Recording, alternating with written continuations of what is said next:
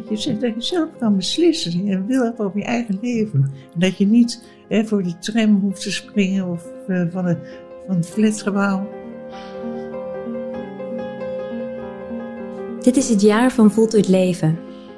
In januari verschijnt een onderzoek naar deze kwestie en trouw besteedt in de aanlopende maand en in februari veel aandacht aan dit onderwerp.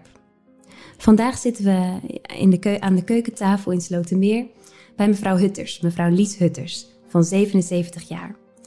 In de kamer hiernaast wordt haar man verzorgd en rond de tafel spelen haar katten. Het begon allemaal met een brief die ze ons schreef. Die ga ik even voorlezen. Ik ben een vrouw van 77. Op 18-jarige leeftijd werd ik zwanger. En met 19 kreeg ik een kind. Mijn man kreeg rugklachten en is twee keer geopereerd aan hernia's. Nu is hij al 17 jaar volledig invalide en dement. Hij woont thuis. Ik vind dat ik genoeg gezorgd heb en ben zelf lichamelijk niet meer in orde en wil als mijn man overlijdt euthanasie. En uw man die ligt hier in de kamer naast ons. Hè? We horen op de achtergrond de verzorger. eh, Ja, ja, ja. die komt elke ochtend, toch? Ja.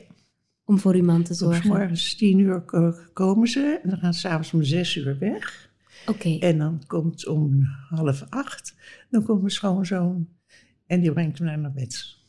En u schrijft eh, in de brief aan ons dat u eh, zelf dood wil als uw man er niet meer is. Waarom? Nou, ik ga in een heel groot gat vallen. Kijk, mijn leven is nu, dit, is met, dit is mijn leven. Ik ben zelf, ik heb longkanker gehad, twee jaar terug. Ik ben bestraald geweest.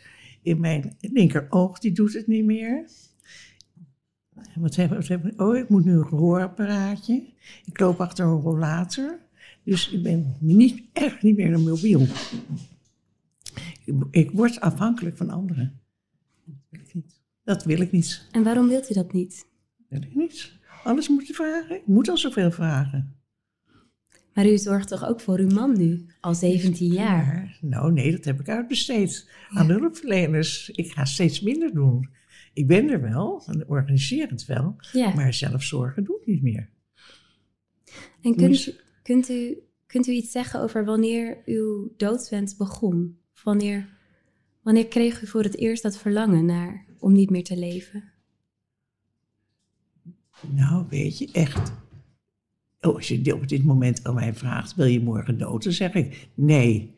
Maar ik wil wel de mogelijkheid hebben dat als ik, zeg maar, als ik hier alleen kom te zitten en niet meer vooruit of achteruit kan, dat ik dan een einde aan kan maken. Op een humane manier. En waarom is dat belangrijk voor u op een hum- humane manier? Ja, het is belangrijk voor mij. Ik ben altijd zelfstandig geweest. Ik heb het altijd zelf opgelost. En ik heb zoveel gezien en zoveel gehoord natuurlijk de afgelopen jaren van hulpverleners die overal gewerkt hebben. En hoe dat dan aan zijn eind, hoe de mensen aan hun eind komen. Dat ik denk, nou, dat wil ik niet, dat wil ik niet. Want hoe, hoe ziet u dat voor zich? Dat, hoe wilt u aan uw eind, eind komen? Oh, misschien gez- gezellig met de kinderen en hier gewoon gezellig zitten en dan op, ik weet niet hoe dat heet, een, een, drankje of eh, en slapen. Slapen, niet meer wakker worden. Gewoon op de bank hier Ja, achter zo, u, op de ja. woonkamer. En u zegt van met mijn kinderen. U heeft dus kinderen. Hoeveel? ki- Twee, dochters, twee dochters Twee dochters. en drie kleinkinderen. En hoe oud zijn die? De kleinkinderen? Ja. Eén van 18, één van 22 en één van 26. Mooi. En heeft u een goede band met uw kinderen en Ik heb kleinkinderen? met allemaal een hele goede band. En hoe he- ja, bent u open over, over hoe u uw einde voor zich ziet en naar hun? Ja, ja, ja.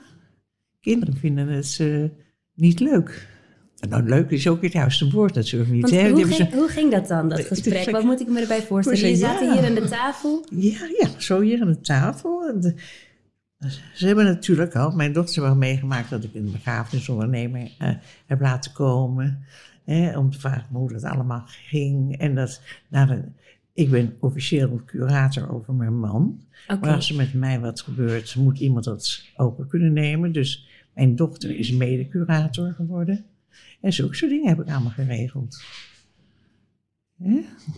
Maar hoe ging dat gesprek waarin u vertelde dat u niet meer wil leven als uw man overlijdt? Weet je?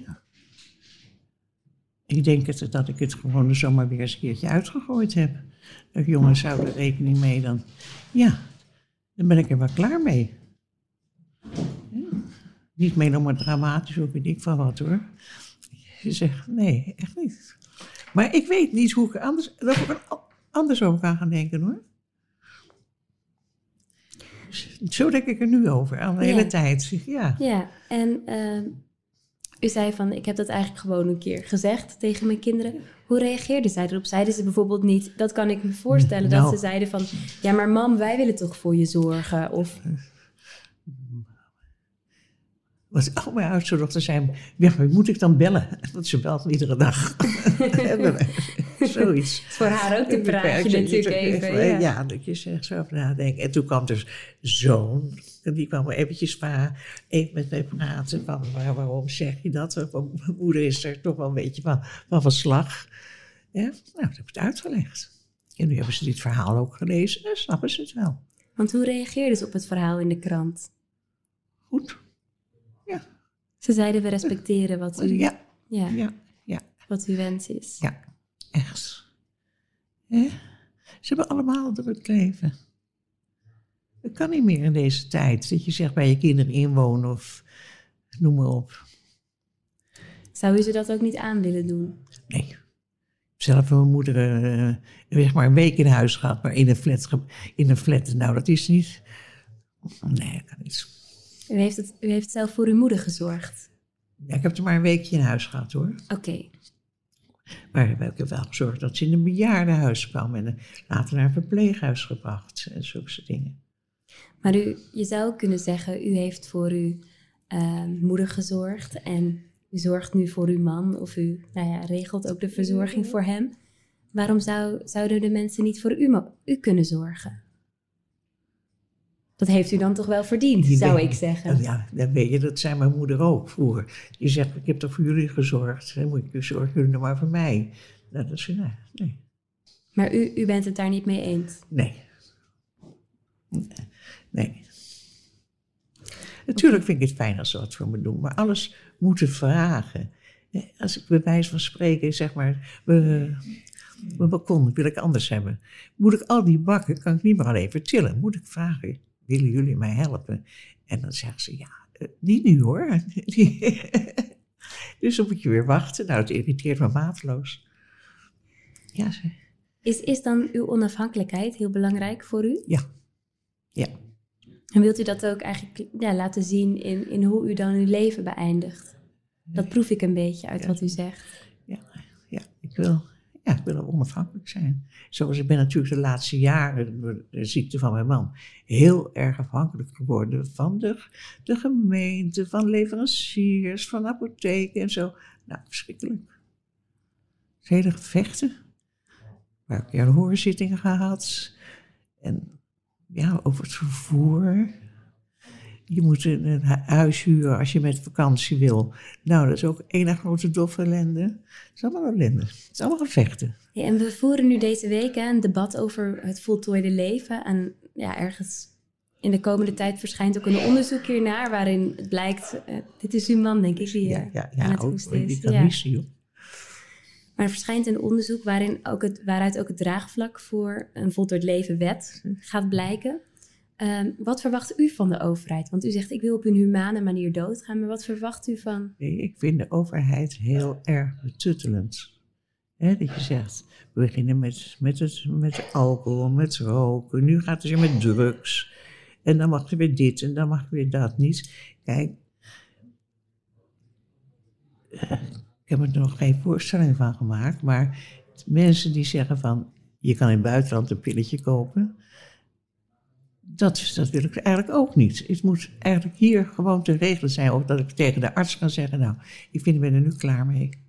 En dat hij dan komt en, en dat, hier dat op de bank een spuitje geeft. Ja, ja. Maar er zijn natuurlijk ook mensen die zeggen in het in dit debat van waarom kijk je voor zoiets persoonlijks, zo'n persoonlijke wens, naar de overheid om dat te regelen? nu, ja, nu mag die arts dat niet. Omdat het hulp bij zelfdoding is. Ja. Ja. Dus dat, dat, ja, dat zeg jij goed, dat zou, dat zou moeten veranderen. Dat dat niet meer strafbaar is. Ja. Zoals die, die man die toen de tijd zijn 90-jarige moeder heeft geholpen met medicijnen en zo. Nou, dat is toch fantastisch? Albert Heringa was dat, ja. Ja, dat is toch fantastisch? Zoiets zou u ook willen, dat uw dochter naar de apotheek zou kunnen fietsen Ja. en daar een goedje zou kunnen halen wat u zou kunnen nemen. Dat je geen eh, hoe heet het, medicijnen hoeft te gaan sparen om te zeggen... Met het risico dat je maagbloeden krijgt, dat je leeggepompt wordt en dat je er nog zit. Wat ik me nog wel afvraag als ik hier nu zit en ik zie u met uw katjes die eh, natuurlijk hartstikke lief zijn, denk ik, wat, wat maakt uw leven nog de moeite waard op dit moment? Want u zegt, ik wil nu nog niet. Nee. Maar als het zover is, wil ik de mogelijkheid hebben. Maar kunt u iets vertellen over, over wat uw leven nu de moeite waard maakt?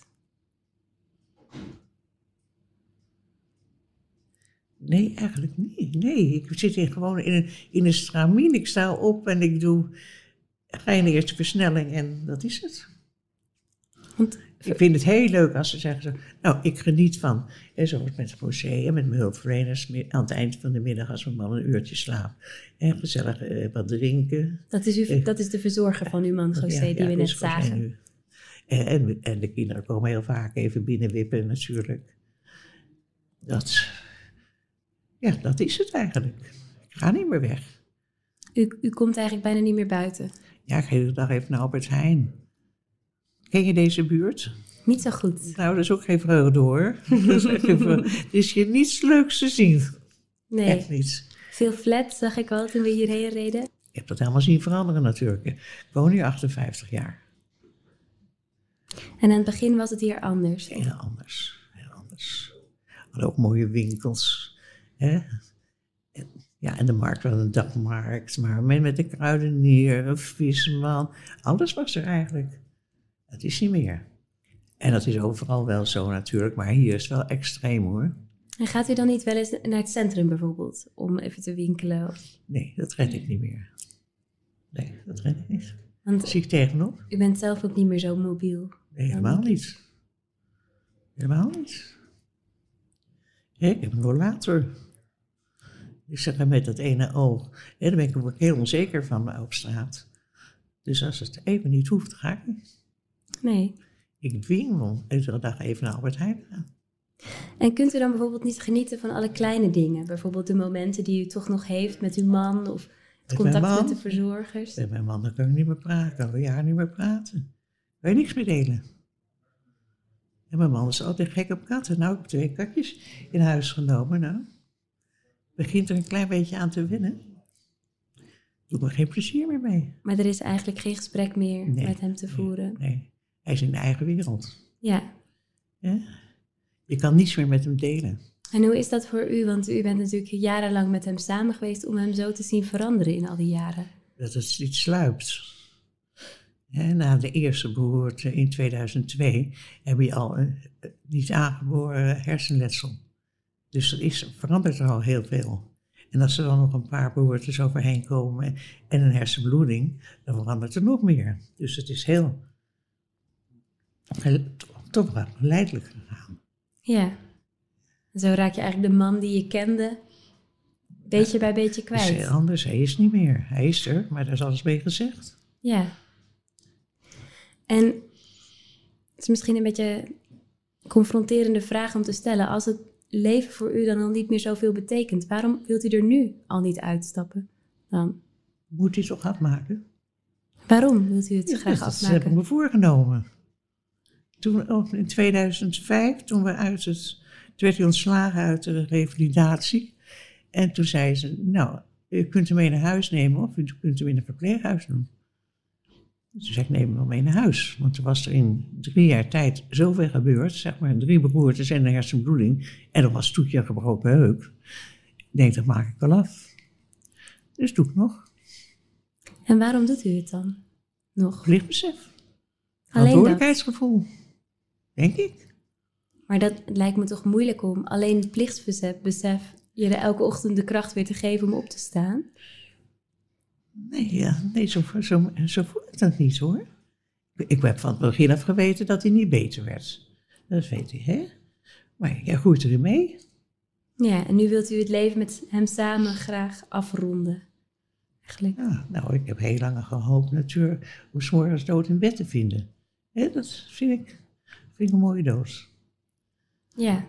Maar het gebeurt niet. En wat is nu zijn levensverwachting? Van hem? Ja. Het woord dood bestaat niet bij hem.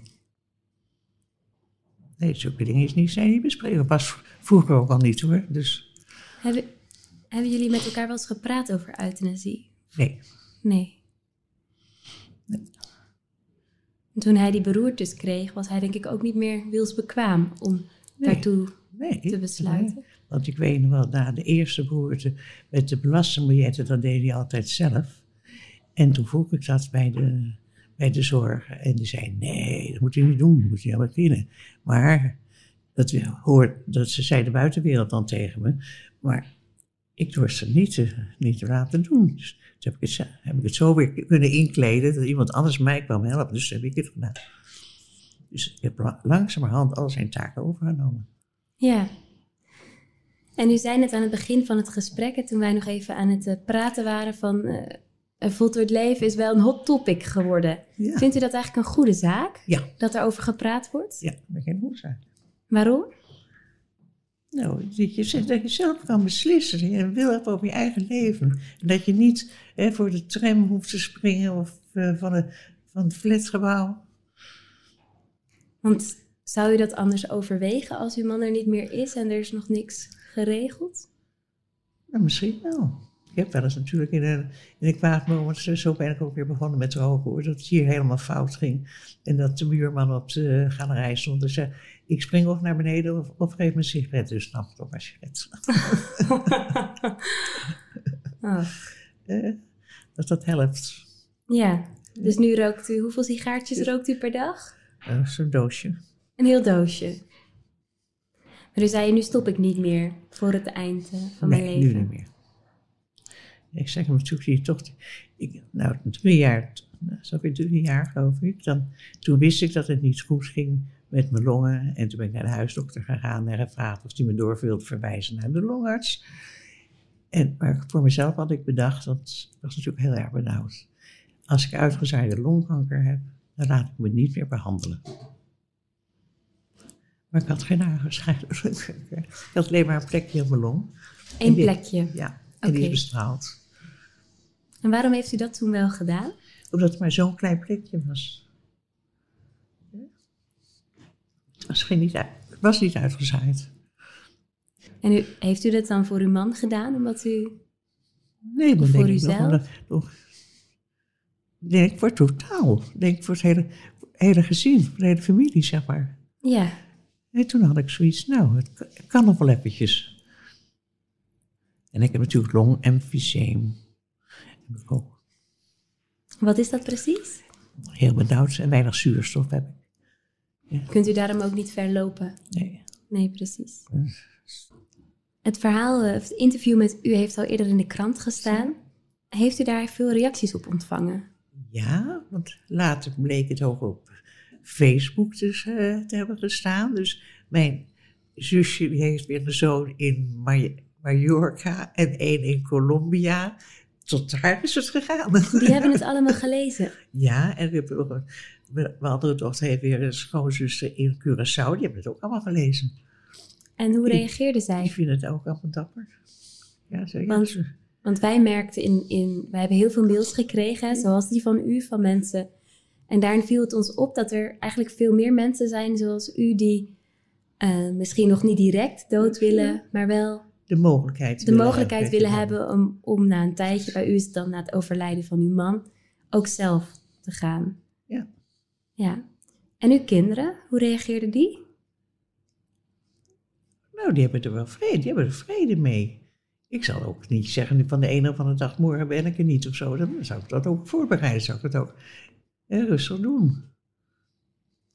Ze weten ook dat ik gecremeerd wil worden en waar eventueel uitgestrooid wil worden. Dat hebben we allemaal eh, geregeld. Want ik wil, Ik heb dat namelijk toch ook zelf moeten doen voor mijn, voor mijn ouders. Hè? Die toestanden, ik wil het gewoon alles geregeld hebben. Maar en mensen die bij leven nooit bij me komen, hoeven ook niet op een begrafenis te komen. En nog één laatste vraag. Want uh, komende donderdag wordt het rapport uh, over voltooid leven uh, gepubliceerd. En dan wordt er ook een advies gedaan aan uh, de regering. Als u, als u nou iets zou mogen zeggen tegen het kabinet over dit onderwerp, wat zou dat dan zijn?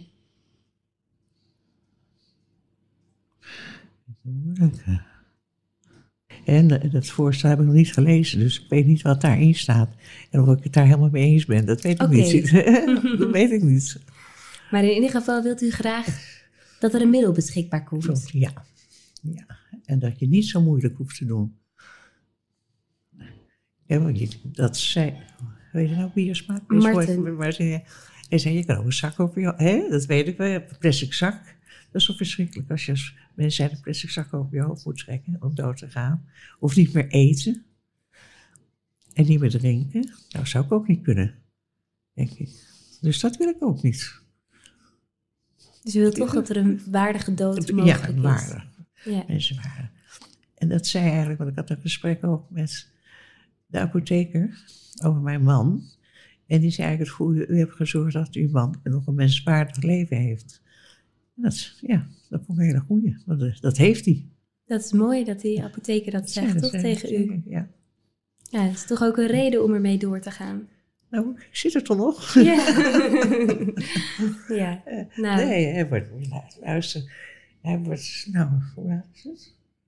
Voordat ze klaar zijn met de wassen, en dan wordt helemaal ingesmeerd. Hij heeft nooit een doorlichtplek gehad, nog nooit. Nou, en hij ligt 14 uur per dag op zijn rug, hoor. Ja, maar zo goed wordt, wordt hij behandeld. En dat is in een verpleeghuis echt niet zo. Was je lang dood geweest.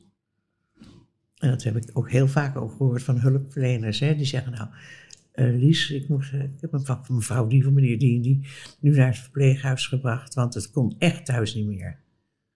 En na drie maanden zijn ze dood. Ja. Dat wilde u uw man niet aandoen? Nee. Dan heb ik het zo lang volgehouden. Dan ga ik het nu toch niet... Nee. Er zit, dan toch wel een beetje, er zit dan ook toch wel een beetje liefde achter. Ik vind het wel zo'n zo groot woord, weet je. Liefde en haat liggen zo dicht bij elkaar. Ja. Ja, ik kan me voorstellen dat het niet altijd makkelijk is. Als je 17 jaar voor iemand moet zorgen. En er, ook, er zijn ook momenten hoor, dat je zegt, het is ook zo weer over. Maar het is niet altijd leuk. Ik heb er nog, daar heb ik heel veel moeite mee. Als hij tegen de hulpverlening tekeer gaat. En dan, dan heeft hij ook pijn hoor, want dit is helemaal... Zijn linker lichaamcel bestaat niet meer voor hem. Hè? Dus hij kan zijn armen niet meer, dit kan niet meer. Dus als het maar even te ver gaat, is hij... Ja, moeilijk. Ja. Maar ik vind u wel dapper, moet ik zeggen. Ook dat u zo open uw verhaal doet. Ja, maar ja. Over, over, ja, met uw gedachten over het levenseinde. Nou, ik denk dat dat mijn aard is.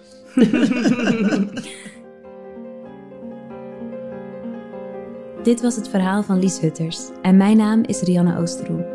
Voor meer verhalen over het onderwerp voltooid leven, dan wel onvoltooid leven, kijk op trouw.nl slash onvoltooid. Voor meer podcasts van Trouw, kijk op trouw.nl slash podcast.